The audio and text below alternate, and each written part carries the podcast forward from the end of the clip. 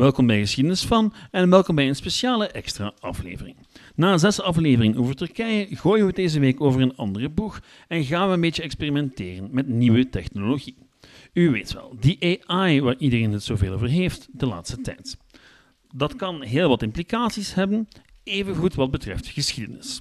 Zo kunnen we bijvoorbeeld aan de AI vragen wat Marie-Antoinette dacht van de Franse Revolutie, hoe Marie Curie zich voelde vlak voor haar dood, welke minnaar Cleopatra prefereerde en wat er gebeurd zou zijn moest het Rijk nooit ten onder zijn gegaan. Ik krijg in deze aflevering de assistentie van mijn lieftallige vrouw, die de rol zal vertolken van Marie-Antoinette, Marie Curie en Catharina de Grote. Oh, en verder heb ik de AI ook nog enkele vragen van luisteraars doorgespeeld en gevraagd of hij het niet zou zitten om een musical te schrijven gebaseerd op de Belgische Revolutie. Het resultaat van al die probeersels en een antwoord op de vraag wat we nu eigenlijk kunnen aanvangen met AI om geschiedenis naar een breed publiek te brengen, dat krijgt u allemaal in deze aflevering van Geschiedenis van. Welkom.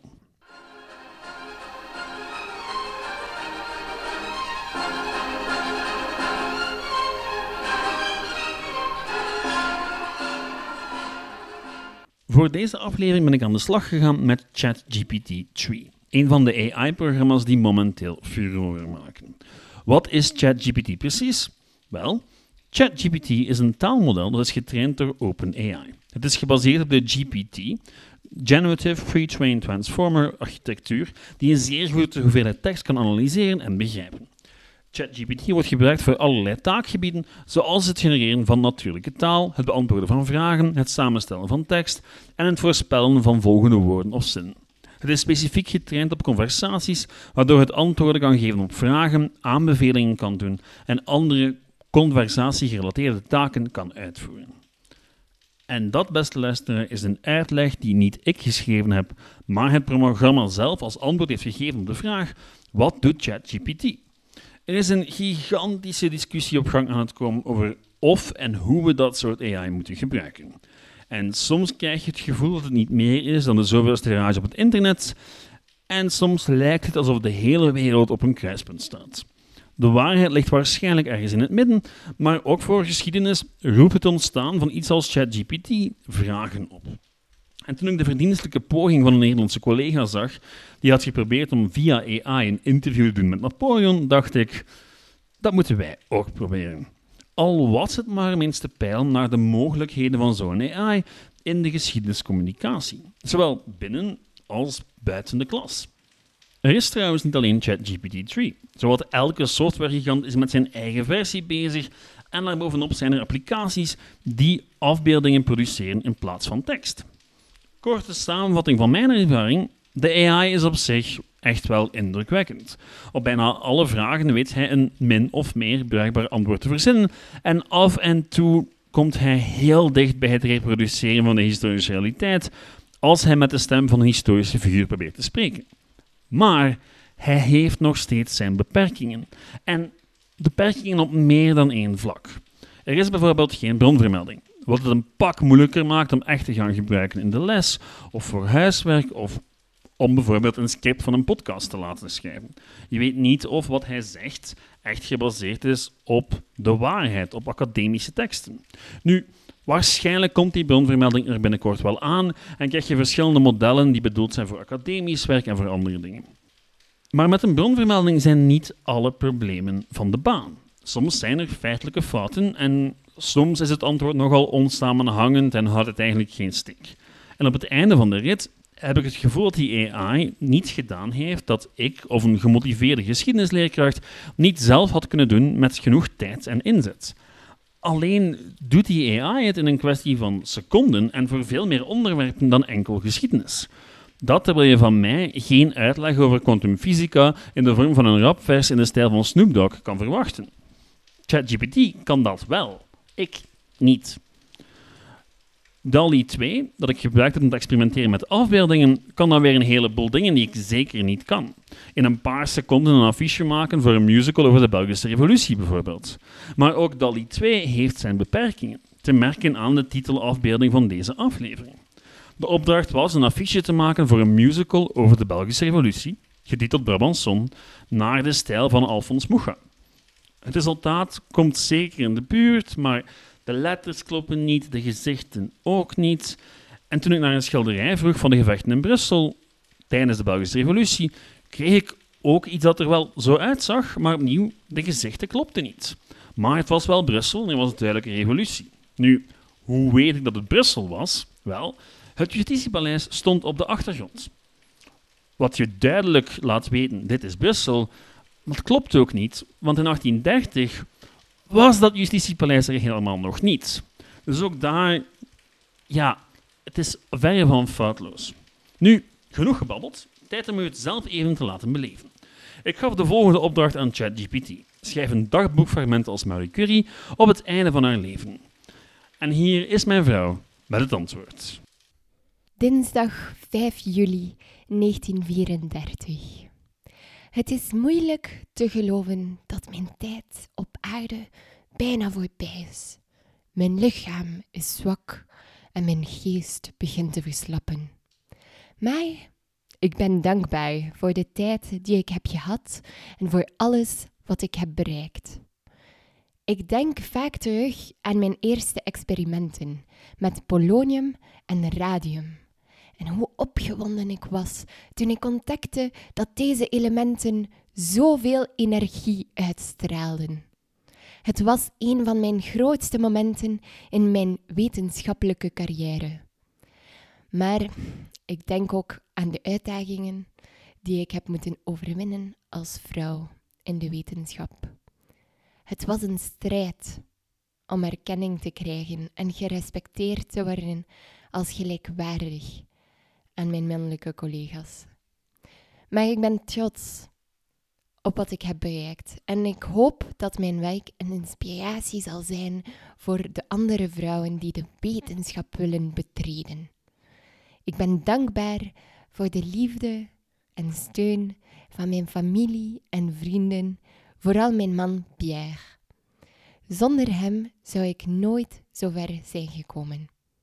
Ik hoop dat mijn ontdekkingen en bijdragen jullie zullen bijdragen aan de verbetering van de wereld en aan de voortdurende zoektocht naar kennis. Marie Curie. Top, niet? Er is wel een probleempje. Curie stierf namelijk op 4 juli 1934, dus op 5 juli kon ze onmogelijk nog in haar dagboek geschreven hebben. Verder lijkt er niks mis te zijn met de tekst. Het lijkt me zelfs een zeer goed tekstje om de figuur te introduceren en leerlingen dan zelf verdere opzoekingen te laten doen. Goed, de volgende historische figuur die we aan het woord laten is Marie-Antoinette. De opdracht: schrijf een monoloog waarin Marie-Antoinette haar gevoelens beschrijft bij de Franse Revolutie. Het resultaat? Hoe kan dit gebeuren? Hoe kan mijn land zo snel en zo radicaal veranderen? Vroeger was het leven hier zo prachtig, zo royaal, zoveel luxe en genot. Maar nu is alles anders. De straat is gevuld met boze gezichten, schreeuwende menigten en angstaanjagende geruchten. En ik, ik word beschuldigd van allerlei vergrepen, van corruptie, van wanbeleid, van ongevoeligheid voor de nood van het volk. Ik weet niet of ik begrijp wat er gebeurt, maar ik weet wel dat ik bang ben. Bang voor de toekomst. Bang voor wat er met mijn gezin zal gebeuren. Bang voor wat er met mijn land zal gebeuren. Er is zoveel onzekerheid, zoveel geweld, zoveel haat. En toch, ondanks alles, kan ik niet helpen maar me af te vragen waar we fout zijn gegaan. Heeft mijn familie echt zoveel fout gedaan? Heeft mijn koninkrijk echt zoveel verkeerd gedaan? Of is dit gewoon een uitbarsting van onverklaarbare woede, een onredelijke haat? Ik weet het niet, maar wat ik wel weet, is dat ik bang ben. Bang voor wat er nu gebeurt en bang voor wat er nu nog zal gebeuren. En ik kan alleen maar bidden dat God ons zal beschermen en ons zal leiden naar een beter, meer vreedzame toekomst. Je merkt onmiddellijk dat het woordje gevoelens hier een groot verschil heeft gemaakt in het resultaat. Daarbovenop klopt het ook met alles wat we weten van Marie-Antoinette's reactie op de revolutie. Je kan je echt voorstellen dat ze dit zei enkele dagen voor haar executie door de Franse revolutionairen. Dit fragmentje is eigenlijk uitstekend om te gebruiken in de les of als aanleiding voor een denkvraag op een examen. Voor mij is dit het bewijs dat je met behulp van AI snel en makkelijke content kan maken die het geheel wat makkelijker verteerbaar maken. Had ik dit zelf kunnen schrijven? Waarschijnlijk, maar het had me wat meer tijd gekost. Nu, eerlijk, je krijgt niet altijd even schitterende resultaten. Omdat mijn vrouw en ik zo net de serie The Great gebinged hadden, heb ik natuurlijk ook een vraagje gesteld aan Catharina de Grote. De opdracht: schrijf een monoloog waarin Catharina de Grote uitlegt waarom ze de troon voor zichzelf nam. Het resultaat? Ladies and gentlemen, ik sta hier voor u als de nieuwe leider van ons land. Ik begrijp dat velen van u zich afvragen waarom ik deze stap heb genomen. Waarom ik de troon heb genomen. Laten we eerlijk zijn. Ons land is in crisis. Er is werkloosheid, armoede, onveiligheid en corruptie overal om ons heen. Onze vorige leider heeft gefaald om deze problemen aan te pakken en ons land uit deze crisis te leiden. Ik heb deze stap genomen omdat ik geloof dat ik in staat ben om deze problemen aan te pakken. Ik heb namelijk jaren ervaring in het bedrijfsleven en weet hoe je efficiënt en effectief kunt leiden. Ik heb ook een lange geschiedenis van werken aan sociale verbeteringen en armoedebestrijding.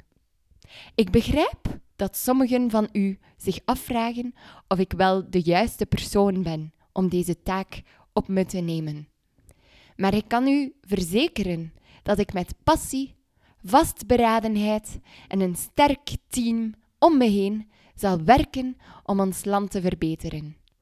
Ik vraag uw steun en vertrouwen in deze moeilijke tijden. Laten wij samenwerken om ons land te herstellen en een betere toekomst te creëren voor ons allen. Een pak minder realistisch, niet? Vooral de woorden ervaring in het bedrijfsleven haal je dus uit de illusie dat je echt naar een speech van een historische figuur zit te luisteren. De AI schiet dus niet altijd raak. Op zware fouten heb ik hem zelden weten te betrappen, maar het resultaat is heus niet altijd even bereikbaar. Ik heb ook nog wat vragen van jullie, mijn geliefd publiek, losgelaten op de AI. Ik ga ze niet allemaal laten voorlezen, want het waren er heel wat en ik moet dit ook nog opgeload krijgen. Maar sommige vragen zouden simpelweg zoekopdrachten kunnen zijn op Wikipedia. Op de vraag wie was Ludwig II kreeg ik een informatief biografietje van een Beierse koning.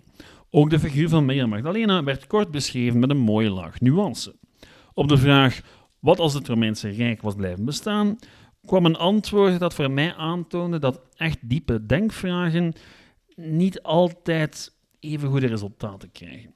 Als je dat antwoordt op een universiteitsexamen of in de laatste jaren van het secundair onderwijs, ja, dan krijg je van mij maar een 1 op 5. Een andere beperking is een gebrek aan kennis van culturele context. Een andere luisteraar vroeg: schrijf een top 10 van de meest dulle Vlaamse grieten tussen 500 en 1500. Het verrassende antwoord: Ik kan uw verzoek niet verwijken, omdat het discriminerend is en in strijd is met onze beleidsregels. Het is belangrijk om respectvol te zijn tegenover andere mensen, ongeacht hun geslacht, afkomst of andere kenmerken. ChatGPT heeft dus een duidelijk antidiscriminatiebeleid. Aan zich goed, al beperkt het de functie ervan wel een beetje. Want tja, als je gaat werken over wat moeilijkere stukken geschiedenis, zoals laten we zeggen het nazisme, de holocaust, racisme, slavernij, dan is dit misschien niet super bruikbaar. Nu, ik versta de beslissing wel daar niet van, maar dit is eigenlijk geen foute of discriminerende vraag. De vraagsteller refereert naar het schilderij van Breugel, de Dulle Griet, en vraagt dus eigenlijk naar prominente, bekende vrouwen tussen 500 en 1500. logisch dat dit soort referenties nog moeilijk te begrijpen zijn voor een AI. Er gaat een hele culturele kennis achter die nodig is om die vraag te begrijpen en er dus een antwoord op te geven. Een andere vraag, een denkvraag die niet zou misstaan op een universitair examen, vroeg wat filosoof Alexander de Tocqueville zou vinden van de huidige staat van de democratie. Geen makkelijke vraag, ook niet voor de gemiddelde filosofiestudent, en dit antwoord zou dan weer wel hoge punten hebben opgeleverd op een examen. Alexis de Tocqueville, de Franse politieke denker en historicus, was een groot voorstander van democratie en de waarden van de Amerikaanse revolutie. Hij reisde in de jaren 30 van de 19e eeuw naar de Verenigde Staten en schreef later zijn beroemde werk De la démocratie en Amérique over de democratie in Amerika. Het is moeilijk om te zeggen hoe hij specifiek zou reageren op de huidige staat van de democratie, omdat de wereld nu zo anders is dan in zijn tijd. Maar Tocqueville zou waarschijnlijk zorgen hebben over enkele aspecten van de huidige democratie, zoals puntje 1, de groeiende ongelijkheid in rijkdom en macht, die hij zag als een bedreiging voor de democratie omdat het de stem van de armen kan onderdrukken. Puntje 2. De groeiende invloed van de technologie en de massamedia, die hij zag als een bedreiging voor het individu en de democratie, omdat het de vorming van een eigen mening kan onderdrukken. Puntje 3. De groeiende polarisatie in de politiek en in de samenleving, die hij zag als een bedreiging voor de democratie, omdat het de eenheid en de sociale cohesie kan ondermijnen. Puntje 4. De groeiende bureaucratisering en centralisatie van de overheid, die hij zag als een bedreiging voor de democratie, omdat het de, autonomie en de verantwoordelijkheid van de burgers kan ondermijnen. Puntje 5. Hij zou waarschijnlijk ook zorgen hebben over de toenemende tendens tot extremisme in veel landen en de groeiende onwil om te compromissen, die hij zag als een bedreiging voor de democratie, omdat het de basisprincipes van de democratie kan ondermijnen. Echter, hij zou ook waarschijnlijk positief zijn over de groeiende betrokkenheid van burgers bij politieke zaken en de groeiende diversiteit en inclusiviteit in de democratische samenleving. Straf en een uitstekend antwoord. Hier krijgt ChatGPT al zijn punten van mij. Verder was er nog een monoloog van Eleonore van Aquitaine over haar relatie met haar zoon, die niet misstaan zou hebben in een historisch drama van Shakespeare, en tenslotte een betoog van Cleopatra over wie nu haar favoriete minnaar was. Volgens ChatGPT.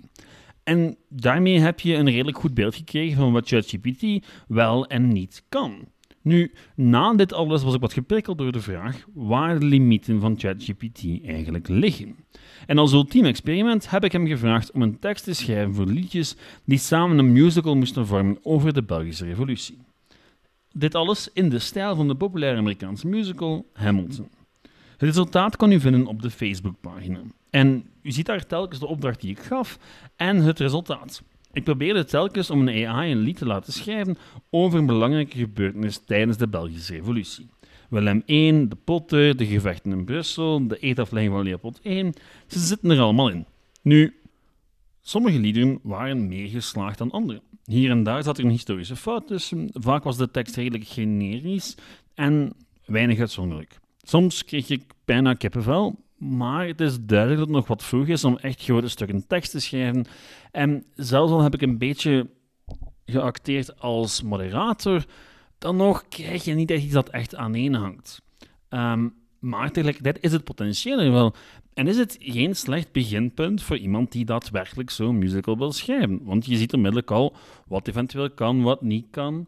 En bij gevolg is het een perfecte tool voor leerlingen om hen te helpen om bijvoorbeeld een historisch dagboek of een historische musical of een historisch toneelstuk te schrijven. Dat zijn keileuke opdrachten om te doen, maar hoe begin je daar dan aan? En hier heb je onmiddellijk een basis. En ik denk dat dit ook is hoe het heel vaak gaat gebruikt worden.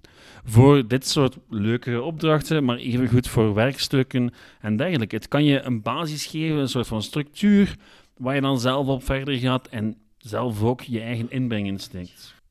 Je moet dan natuurlijk ook wel zorgen dat het volledig klopt met die historische realiteit, want daarvoor kan je ChatGPT niet vertrouwen. Goed, wat is nu de conclusie na dit mini-onderzoekje? Kan zo'n AI ons iets bijbrengen wat betreft geschiedenis, in het onderwijs of elders? Naar mijn aanvoelen, absoluut. Het kan de rol van tolk spelen, een soort van middenman die pure historische kennis snel vertaalt naar hapbare content. Maar niet zonder toezicht van iemand die de touwtjes in handen houdt, want nee, die AI is nog ver van foutloos. Bronvermelding zal helpen als die er komt, maar dan nog ga je volgens mij niet zomaar aan de slag kunnen gaan met die AI en tegelijkertijd een foutloos historisch verhaal vertellen. Wat goed nieuws is voor mij en alle geschiedenisleerkrachten, want dat wil zeggen dat men ons nog steeds nodig zal hebben. Een andere grote zorg die steeds terugkomt bij leerkrachten is dat je zogezegd nog moeilijk huiswerk zou kunnen geven. En daar ben ik het eigenlijk niet mee eens. Want als het doel van het huiswerk gewoon is opzoekingen doen, dan is dat op zich ook al niet zo nuttig huiswerk. Ja, ChatGPT is een pak sneller dan Wikipedia, maar zoveel verschil maakt het ook weer niet. Het doel moet toch zijn om leerlingen vaardigheden te laten ontwikkelen, hen kritisch laten nadenken en hun eigen visie op de leerstof te laten ontwikkelen. En dat kan nog altijd. Alleen moet je wat creatiever zijn met je opdrachten en er rekening mee houden dat zowat elke scholier deze nieuwe tool in zijn arsenaal kan hebben. Wat eigenlijk niet slecht is, want AI zal een steeds grotere rol gaan spelen op de werkvloer en veel van die leerlingen zullen er vroeg of laat mee aan de slag moeten. Misschien zelfs gewoon in het dagelijks leven. Dus, tja, waarom niet al van op de schoolbanken de koe bij de horens van? Een goede twintig jaar geleden werd de komst van internet ook al beschouwd als een ramp voor het onderwijs. En tja, we hebben ons gewoon aangepast. En dat zullen we hoogstwaarschijnlijk opnieuw doen. Zo zie ik het mondeling presenteren van essays een spectaculaire comeback maken. En natuurlijk gaat er snel detectiesoftware komen. We moeten rekening houden met de moeilijkheden, maar ons niet laten verblinden door de mogelijkheden. Over mogelijkheden gesproken. Hoe kunnen we die AI dan precies gebruiken in de les geschiedenis? Wel, hier zijn enkele voorbeelden. 1. Vragen beantwoorden. Leerlingen kunnen ChatGPT gebruiken om vragen over geschiedenis te stellen en snel antwoorden te krijgen. 2. Hulp bij essays. ChatGPT kan leerlingen helpen bij het schrijven van essays over geschiedenis door hen te helpen bij het formuleren van hun gedachten en het opbouwen van hun argumenten. 3. Alternatieve geschiedenis. ChatGPT kan gebruikt worden om alternatieve scenario's te creëren, zoals hoe de geschiedenis zou zijn verlopen als een bepaald historisch evenement anders was verlopen. 4. Verhalen vertellen. ChatGPT kan gebruikt worden om verhalen te vertellen over belangrijke historische gebeurtenissen, personen of tijdperken. 5. Oefenen voor toetsen. ChatGPT kan gebruikt worden om leerlingen te helpen bij het oefenen van geschiedenistoetsen door hen vragen te stellen over specifieke onderwerpen. Goed, en ja, ook dit voorgaande stukje werd geschreven door ChatGPT. Al voegde die er wel nog het volgende aan toe. Het is wel belangrijk om te weten dat ChatGPT alleen de informatie kan geven die het geleerd heeft de tekst die het gezien heeft. Dus er moet altijd een docent aanwezig zijn om de juistheid van de antwoorden te beoordelen. En laat dat ook mijn conclusie zijn. Ja, je kan fantastische dingen doen met ChatGPT en DALI, maar zonder kennis van zaken ga je fouten maken. Tegelijkertijd is het een handige tool om historische content dichter bij mensen te brengen. Al zullen we altijd een oogje in het zeil moeten houden. Goed, dat was het voor deze week. Bedankt voor het luisteren. Volgende week hebben we het over Alexander de Grote en de vraag of die al dan niet groot was en waarom precies. Bedankt voor het luisteren en bedankt aan Jan, Christophe, Kathleen, Johan, Thomas, Jason, Bjorn, Hugo, Hanjo, Filip Ferdinand, Davy, Peter en Mark om vragen bij te dragen. Reacties en suggesties zijn altijd welkom op geschiedenisvan.outlook.be. Facebook Geschiedenis van en de website geschiedenisvan.be. Zoals ik eerder al zei, uh, het script van The Musical Brabanson vind je ook op die Facebookpagina. Ciao!